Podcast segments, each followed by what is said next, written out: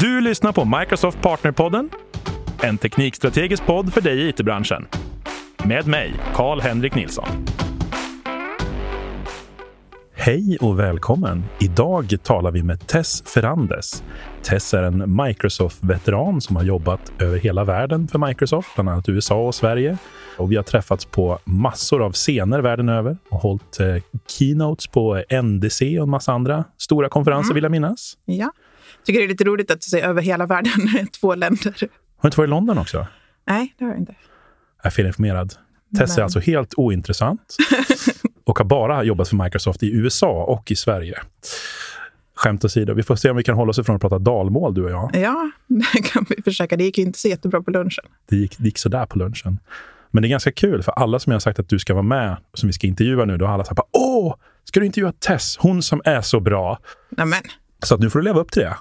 Oj, det blir jobbigt. Ja, vi ska ju prata lite grann om artificiell intelligens idag. Mm. Ett av de områden som du har nördat ner dig i. Framförallt så tänkte jag att vi skulle prata lite grann om etik och moral i den här världen med artificiell ja, intelligens. Det tycker jag låter trevligt. För att det finns väl inga problem där i AI-världen, eller hur? Nej, det tycker jag väl inte. Så var det det, eller? Då är vi klara för idag. Men om vi, om vi tittar tillbaka lite grann på, det, på, på tiden som har varit. AI-algoritmer har fått en del kritik för att de har varit ja, fördomsfulla eller kanske rent av rasistiska ibland i, i sina Ja, det är en av grejerna kanske. Och så sen har det funnits en massa andra som till exempel eh, att man börjar fundera på hur autonoma bilar ska välja vilka som ska dö om det blir en krock. Det, det finns en massa olika etiska problem kan man säga som Precis. man jobbar med. Tänk att man kan göra som i Stockholm och välja cyklisterna. Mm, kanske är det Voi. Nej, skämt Nej, skämt åsido. Men, men det, det, här, det finns ju en massa olika etiska dilemman. Mm. Och, och, som jag kommer ihåg det så det finns ju i alla fall ett par olika försök att, att motarbeta det här. Mm. Man får kolla lite grann på varför de blir till exempel fördomsfulla. Och man tror ju kanske att eftersom det är en algoritm och det är matematik i bakgrunden och, och det liksom är så, så ska den inte kunna liksom ha några fördomar. För att matte är matte, den har ju inga känslor och den har inga liksom, den vet ju inte vilka som är vilka. Men problemet är att allting bygger på dels data data är den största anledningen till, eh, skulle jag säga, att en ML-modell inte blir som man har tänkt sig. Och så finns det också lite grann hur man mäter typ accuracy. Nu säger jag en massa engelska ord känner jag som jag inte kommer ihåg vad de heter på svenska. Men, och det är sådana grejer som där människor väljer hur man, hur man ska mäta och hur man mäter avgör också hur modellen beter sig eller hur modellen är. Vi påverkar modellen helt enkelt? Ja, det är hela tiden vi som påverkar. Vi och eh, datan som den lär sig på. För vi var inne lite grann här, vi nämnde att vi åt lunch tidigare. Vi pratade lite grann om Microsofts försök att motarbeta det här med responsible AI. Mm. Vi har en massa tekniska lösningar, ska jag säga, där vi försöker att motarbeta det. Men vi har också en, en grupp, eller en, ett antal principer och en grupp som kollar på principerna och kollar på mycket av projekten som vi håller på med och så. Och se till så att vi följer de principerna som är Responsible AI Principles. Och där, ehm, det tycker jag är rätt intressant, för där har man ju verkligen så här, man tar det som är problemet, vi och våra fördomar och datan, och så, och så ser man på det som att det är vi också som får avgöra liksom, hur vi kan göra det mer responsible genom att, att se till att vi följer de principerna. Vi, vi överlåter inte, åt, eh, vi överlåter inte åt maskinerna att fixa till det, utan vi fixar det själva. Om vi tittar på de här principerna som vi har inom Responsible AI. Jag tänker, den första här är ju fairness. Att AI-system ska behandla alla människor rättvist. Mm. Har du några bra exempel där på, på hur, hur, hur uppnår vi det? Eh, ja, man kan säga att det, ett, det finns massa klassiska exempel. Där, och det här är väl kanske nästan den största delen som man tänker på när man först tänker på på liksom dåliga machine learning-system. Så det kan ju vara till exempel sådana grejer som att du har ett system som ska avgöra om någon ska få ett lån och så ger den kanske en viss grupp av människor lån och inte en annan grupp av människor. Och det kan ju vara liksom baserat på vart de bor eller det kan vara mm, till exempel vad de har för kön eller det kan vara en massa olika grejer som, som avgör det. Och det som man ska fundera på här, det är liksom hur kan man göra så att systemet inte bara väljer saker som man inte vill att den ska välja som kriterier. För att ibland kan man ju ha sådana grejer som, som är kriterier. Till exempel, vi snackade om försäkringar på lunchen. Där eh, man säger att ja, men om du är under 25 så får du betala lite mer för din försäkring för att det är stor risk att en ny förare, eller kanske en förare som har haft körkort i under tre år, kanske är lite mer benägen att hamna i en trafikolycka. Och då kanske det, det är helt okej okay att det är högre eh, för den. Men då har man inte väldigt uttalat svaret. Det kommer att vara annorlunda för den här personen. Det finns en anledning för det och, och sådana grejer. Man har som grupp kommit överens om att det här är rättvist. Ja, exakt. Och sen kan du tycka att det är rättvist och jag kan inte tycka att det är rättvist. Men det finns i alla fall en... Man har i alla fall medvetet tagit fram att det här är, det här är okej. Okay. Men eh, om man har ett machine learning-system så kan ju den lära sig helt andra grejer som man kanske inte tycker att det är okej. Okay. Det kan ju vara så att sådana från Falun får jättehöga, så här, får jättehöga priser bara för att de är från Falun och, och man inte kan riktigt förklara varför någon från Falun skulle få, få högre priser. Då skulle det vara ett eh, unfair system kan man säga. Det man får göra då, det är liksom att mäta utkomsten och se till så att det som systemet gissar verkar rimligt baserat på vad den borde ha gissat eller vad en människa skulle ha gissat i, i samma läge. Och om det verkar så att man till exempel har så att det blir mycket dyrare för någon från Falun, då måste man se på vad är det i datan som gör att, att det är så och fixa till det. Mm. man säga. Det låter ju vettigt, liksom, att man, man har tester helt enkelt för att se att, att den är rättvis. Mm. Och det finns många olika sådana tester som gör att man, man tar liksom resultaten och grupperar upp dem. Då måste man veta i förväg vilka saker som man vill testa på. Man kan inte bara liksom låta någonting testa, är den fair?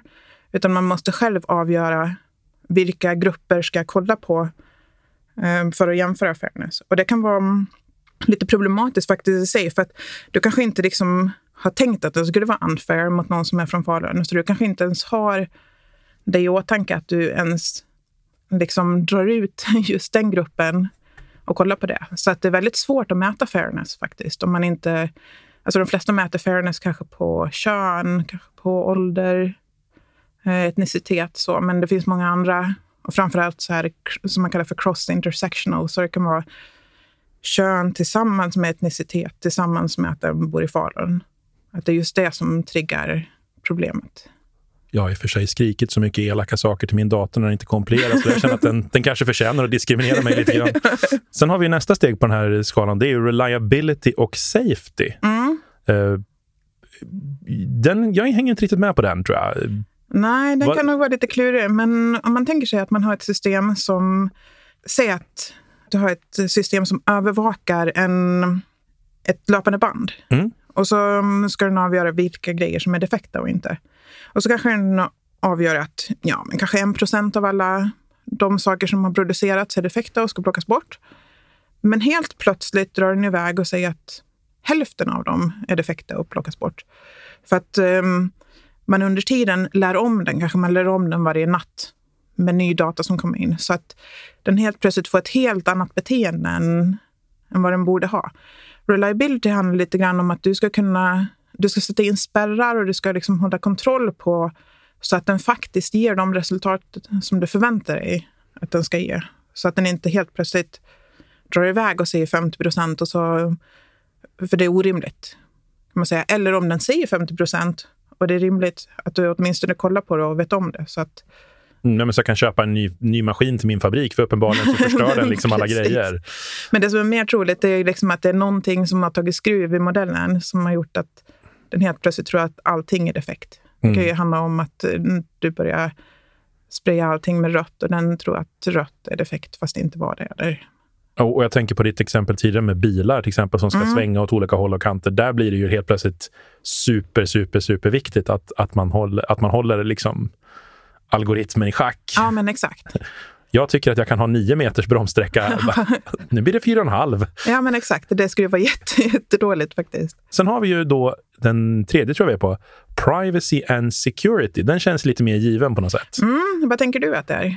Men jag tänker att det är liksom att man ska inte läcka personuppgifter. Mm. Alltså information om mig som den använder får träna på. Ja, Så du kan inte ta modellen och lista ut vem jag är eller vad jag gör. ja, det kan det absolut vara. Och det är nog um, liksom det, det är en del av det. Som till exempel autocorrect.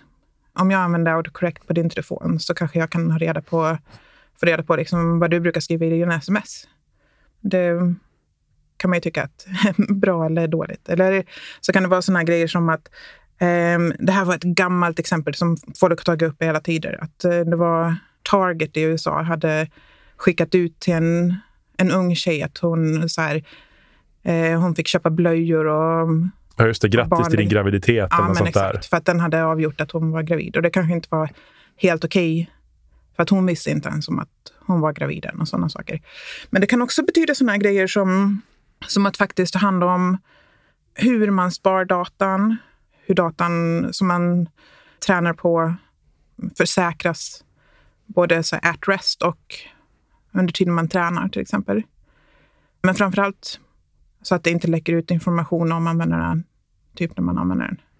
Det låter samtidigt också som ganska svårt. Jag menar, man måste ha ganska hög it-säkerhet. Blir man hackad? Mm. Det finns säkert sätt att, att mina de här modellerna efter information. Om man Ja, vet. precis. Alltså, en- men det finns olika sätt och det, här finns det lite tekniska lösningar. Dels finns det saker som att man kan göra anonymisering av data.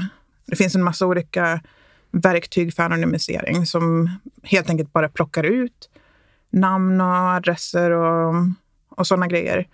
Men även där så kan det ju vara så att trots att man har plockat ut allting som man tycker så kan olika saker fortfarande vara identifierbara. Som till exempel om jag, om jag vet att det ligger en 85-årig snubbe på, på en sjukhussal så kan jag avgöra vem det är om man, om man liksom har en, en lista som innehåller åldrar.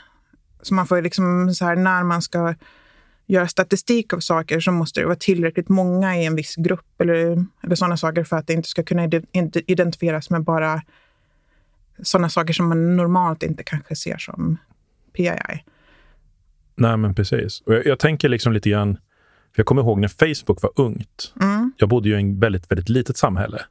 Ja. Och då kunde man ju, på ett sådana små orter, då kunde man ju gå in och pinpointa, för man visste ju, som du säger, vem som var 85 år gammal och man som körde en Audi. Ja, Det, det kunde man ju liksom få ihop. Till, och sen kunde man ju driva Exakt. dem till vansinne, för man kunde ge dem specifika reklamkampanjer. ja, men exakt. Det är ju sådana här grejer. Så, så även om man har plockat bort ganska mycket data så kan man ändå få, man få ihop det om man inte kör anonymisering på stora grejer. Men, så det finns massa olika sätt som man kan... Man kan till exempel göra en grej som heter white noise. Som eh, jag är lite osäker på om det kom från eh, Microsoft eller om det är någon tredje part. Men jag vet att man kan använda det i Azure. Som lägger in lite random data kan man säga, i datasätten.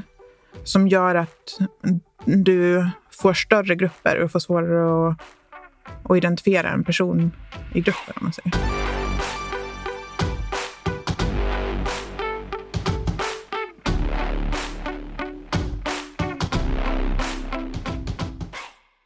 Vi går på vidare på nästa då. Då har vi inclusiveness. Mm. Och här känner jag väl inte att jag är hundra på vad man menar med AI systems should empower everyone and engage people. Nej, jag måste väl också erkänna att jag inte är hundra på det här heller. Men jag skulle kunna tänka mig att det betyder att man, man ska i den mån man kan liksom försöka göra det lättare för alla oavsett eh, variation att kunna vara med på samma villkor genom att använda AI. Så att AI kan vara liksom en enabler för, för många människor att vara med. En intressant grej som jag tycker, oavsett om det, är det betyder eller inte, det, jag pratade med en, en snubbe som heter Bill Buxton som är, han är designer mest på, inte grafisk designer så mycket, utan mer User experience? user experience designer. Användarupplevelse? Ja, du känner igen han. Ja, ja, ja. Eh, Han snackade mycket om så här att när de designar olika, olika saker, mycket hårdvara till exempel, så börjar man med att kolla på någon som har en variation. Säg att eh, man kollar på hur kan man designa den här prylen för någon som bara har en arm, till exempel. Och när man designar någonting för någon som har en arm så tänker man ja, men det kanske inte är jättemånga personer som bara har en arm. Ska vi verkligen hålla på med det här? Och ja, så kan man ju tycka att man ska hålla på med det bara för att. Men då visar det sig att det är ganska... Om du designar någonting för någon som har en arm så har du också designare för varje person som håller i en matkasse. För varje person som, som kanske gör någon... Ja. Alltså det är ganska många ställen som man själv också eh, är enarmad, till mm. exempel. Och designar trottoarer för någon som sitter i rullstol betyder också att du designar dem för någon som är där med sin barnvagn eller någon som åker skateboard och så vidare och så vidare. Så att om man börjar med att kolla på och försöker kolla på olika funktionsvariationer, vad det nu kan vara, så, mm, så betyder det också att man i slutändan designar en mycket bättre experience för alla. För alla kommer ha de här variationerna någon gång. Ja, men precis. Det här blir som, jag, jag, jag kommer ihåg jag pratade med någon av de här som var tidiga med eh, chattbottar. Mm. Och de berättade att de implementerade det för det skulle fungera bra ihop med alla de här uh, olika stöden som finns för, för när du har ja, olika typer av behov för när du använder dator för synnedsättningar eller ja, att du precis. inte kan höra och du och kanske inte kan ringa in till exempel och såna saker. Och jag älskar ju dem. Jag har inte de, de, de variationerna, mm. men, men jag älskar ju dem för att de tillåter mig att så asynkront kommunicera med whatever jag behöver. Så jag tycker de är fantastiska, ja. för jag sitter ju oftast framför en dator. Ex eh, exakt. Jag brukar kolla på saker på eh, så här, syntolkat på tv. För ehm, då kan jag sitta och hålla på med datorn samtidigt som jag kollar på programmet utan att behöva kolla upp. Jag får liksom allting, så här, jag får information. Ah, det kommer in en snubbe med blå tröja här. jag behöver inte missa liksom den informationen som finns i bilden. I like it. Jag tänker att om vi, vi inte var hundra på den båda två, så jag, jag, lägger väl upp den här länken i, i podcastavsnittet till, eh, till alla, alla de här delarna av eh, Responsible AI, så kan vi ju kika igenom den. Ja. Jag tycker det är skönt att vi kan spåna iväg och hitta på en anledning. Eller hur? du, nästa steg då, det är transparency. Mm. AI systems should be understandable. Yes. Det betyder... Um, man skulle kunna tänka sig att det skulle betyda att du skulle veta exakt hur uh, systemet kom till ett resultat. Men det är inte riktigt det det betyder. Utan det betyder att um, alla som är med i kedjan från den som skapar systemet till den som använder det. Så det kan ju vara till exempel en banktjänsteman som använder systemet för att och, um, tala om om du ska få ett lån eller inte till kunden. Ska förstå vad det är den baserar resultatet på. Inte, inte nödvändigtvis exakt hur formen ser ut från, från information till slut, men att den åtminstone baserar det på mitt kön, mitt, eh, min inkomst, var jag bor och bla bla bla. Så vilken data var det som gick in i, i den här... Um, för att då kan man också gå in och se liksom, vad är det för någonting som den möjligtvis ska kunna ha triggat på. Det låter ju som att man också kunde hitta väldigt mycket hilarious fel där. Det tror jag nog säkert. ja, ja, men då har vi den sista också här i listan av våra Responsible AI-delar mm. här. Och det är ju då accountability. People should be accountable for AI systems. Mm. Där handlar det ju om att man kan inte, man kan inte bara säga computer said no. och, så, och så säga att det är så. Utan man måste ha på åtminstone saker som, som är viktiga. Saker som kan göra att du, du förlorar pengar, hälsa, jobb, olika... Liksom så, här, så måste det finnas en human in the loop som, som också är med och avgör, är det rimligt? Innan vi säger att den här personen är en, en snattare så måste någon faktiskt titta på videon och säga att ja, men så är det nog. Ja, men exakt. Eller innan vi säger Lite att så. den här personen ska inte ha något bidrag så måste mm. någon gå in och säga att ja, men så är det. Mm. Och sen kan vi... Sen och kan inte vi... bara, nej men appen sa att den inte skulle. Ja. Jag gillar verkligen att vi kan direkt gå till, till vad var det, Little Britain som körde den här Computer says no. Nej, men som vi har jobbat så har det varit liksom så att i vår organisation, när vi kollar på projekt som innehåller machine learning, så går vi igenom den här listan och ser till så att vi har koll på alla de här grejerna och ser så här, vad är det som är det värsta som skulle kunna hända här? Hur unfair skulle den här kunna bli? Vad är det som liksom... Om vi tänker på fairness, vad är det värsta som skulle kunna liksom hända? Om, om vi tänker på transparency, vad är det värsta som skulle kunna hända? Och så kan man liksom avgöra om, om det är ett bra eller dåligt projekt eller om det är någonting som vi vill göra baserat på hur dåligt skulle det kunna bli och vad kan vi göra för att det inte ska bli så dåligt? Man säger, för det, även fast någonting skulle kunna bli väldigt unfair så kanske det går att hitta en lösning så att den inte är så unfair. Kan man säga. Så mycket av, av det jag har gjort i mina projekt det är liksom att jag går igenom just med datasätten och alla de grejerna och ser till så att man liksom i, i den största möjliga mån försöker ta bort alla de här grejerna som, som den lär sig, som den kanske inte borde lära sig. Så. Jag fattar. Men eh, vi snackade lite på lunchen om, om lite så galna grejer som kan hända i, i machine learning. Och det finns ett så klassiskt exempel på Eh, och det här har inte så mycket med unfairness att göra, men hur, hur man ser att en, liksom ett machine learning-system kan lära sig helt fel grejer. Eh, så det fanns ett system som man hade i engelska tunnelbanan som skulle ta reda på är det mycket personer eller, eller är det mycket personer i tunnelbanan eller inte så mycket som man kunde liksom säga så här, ah, men nu kan du åka för nu är det inte så mycket.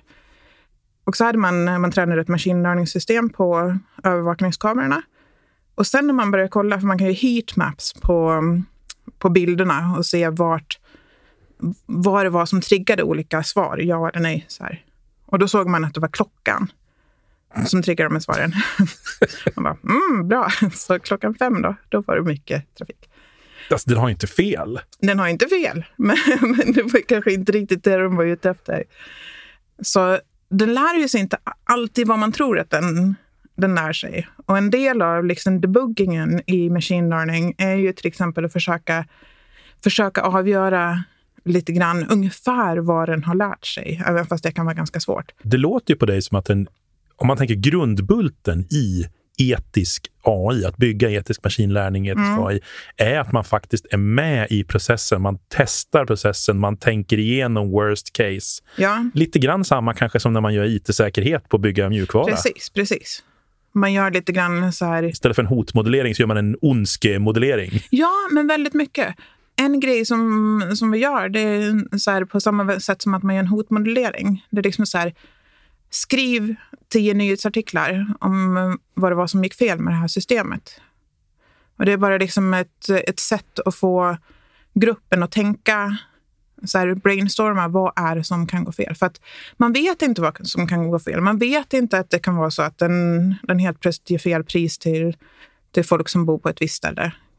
Men om man börjar liksom ja, brainstorma så kan man åtminstone komma fram till några troliga grejer. Och ju fler sådana här system man har sett och ju fler system man har sett som går fel, ju mer kan man, kan man göra. Liksom. Så vi hade till exempel ett system som vi höll på att träna där det var um, övervakningskameror i en affär och man skulle kolla på lite olika grejer. Och all data som vi fick var från jul. Och ganska mycket av det den lärde sig var att det var tomtar på, på bilderna i bakgrunden. Så.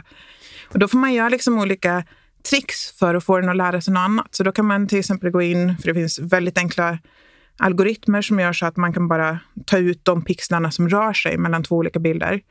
Så man kan utan AI och ingenting, bara genom att avgöra om en pixel ändrar sig mellan två olika frames, så kan man avgöra om en sak rör sig eller inte. Och på det viset kan man segmentera ut bakgrunden, alltså ta bort bakgrunden och säga hmm, nu får du inte den här informationen längre och få den att lära sig någonting lite bättre. Och på samma sätt kan man göra med liksom alla datasätt. Att om man ser att den börjar lära sig konstiga grejer, eller man kan till och med utan att, utan att ens skapa en modell och, och låta den gå så kan man direkt säga att den kommer att lära sig det här. För att det är så uppenbart. Det är bara inte vad en människa skulle ha lärt sig. Men, men har man lite erfarenhet så kan man direkt säga vad den skulle... Eller vad den, vad den kommer att, att plocka upp. Liksom. Finns det några ramverk eller grejer man kan använda för att lägga in den här typen av begränsningar när man jobbar med sånt här? Eller är det oftast inbyggd direkt i verktygen man använder? Hur då menar du begräns?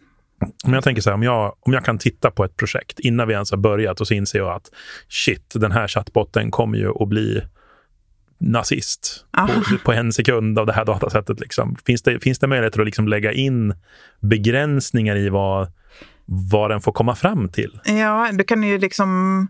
Dels kan du ju, kan du ju avgöra vilka, vilka svar som är godkända. Men, men framförallt kan du ha liksom ett system som är så här, när du använder, när du har skapat modellen, så kan du ha säkerhetssystem utanför som avgör om, om den liksom säger att någon ska betala 50 miljoner fast det är rimligt att den max ska betala 5. Och antingen då klippa eller alltså du kan ju klämpa värdet uppåt eller liksom vad det nu kan vara för någonting.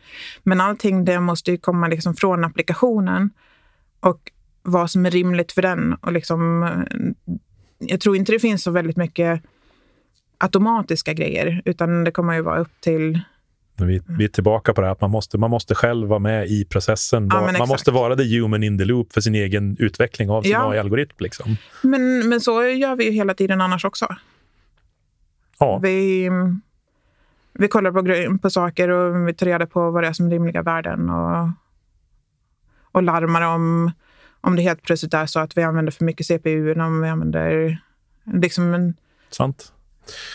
Du, innan vi skiljs åt här Mm. så tänkte jag, har du något jättebra tips som du tycker att man skulle börja och läsa på om om man ska om man tycker att det här är ju jätteviktigt för vår algoritm och det här vill jag ju absolut att det inte ska bli tokigt. Vad, vad ska man börja plugga på?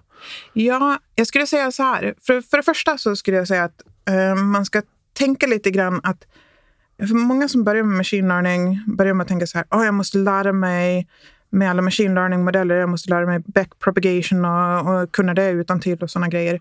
Nej, eh, läs på istället en massa om, om dataanalys och, och liksom statistikanalys av data och sådana saker. Men sen just med med Re- Responsible AI så finns det väldigt mycket, jag tror att du skulle länka till, till den sajten. Det finns väldigt mycket videos där, det finns väldigt mycket exempel. Jag tror det finns en hel del böcker också och länkar från det. Som, men annars så, jag har ingen sån här toppen, toppenresurs annat än att man ska tänka mer på datan än på algoritmer. För algoritmer finns det andra som skriver. Det, du kommer aldrig behöva skriva en algoritm kan man säga. Det svåra i, det svåra i machine learning är inte algoritmen, det svåra är datan. Tack. Jag tror med, med de orden så, så får vi tacka så mycket och jag tycker det var en jätteintressant dialog. Så att, eh, Ja, tack själv. Det var jättekul att vara här. Supertack för att du kom hit. Du har lyssnat på Microsoft Partnerpodden med mig, Karl-Henrik Nilsson. Som vanligt hittar du information och resurser på aka.ms partnerpodden.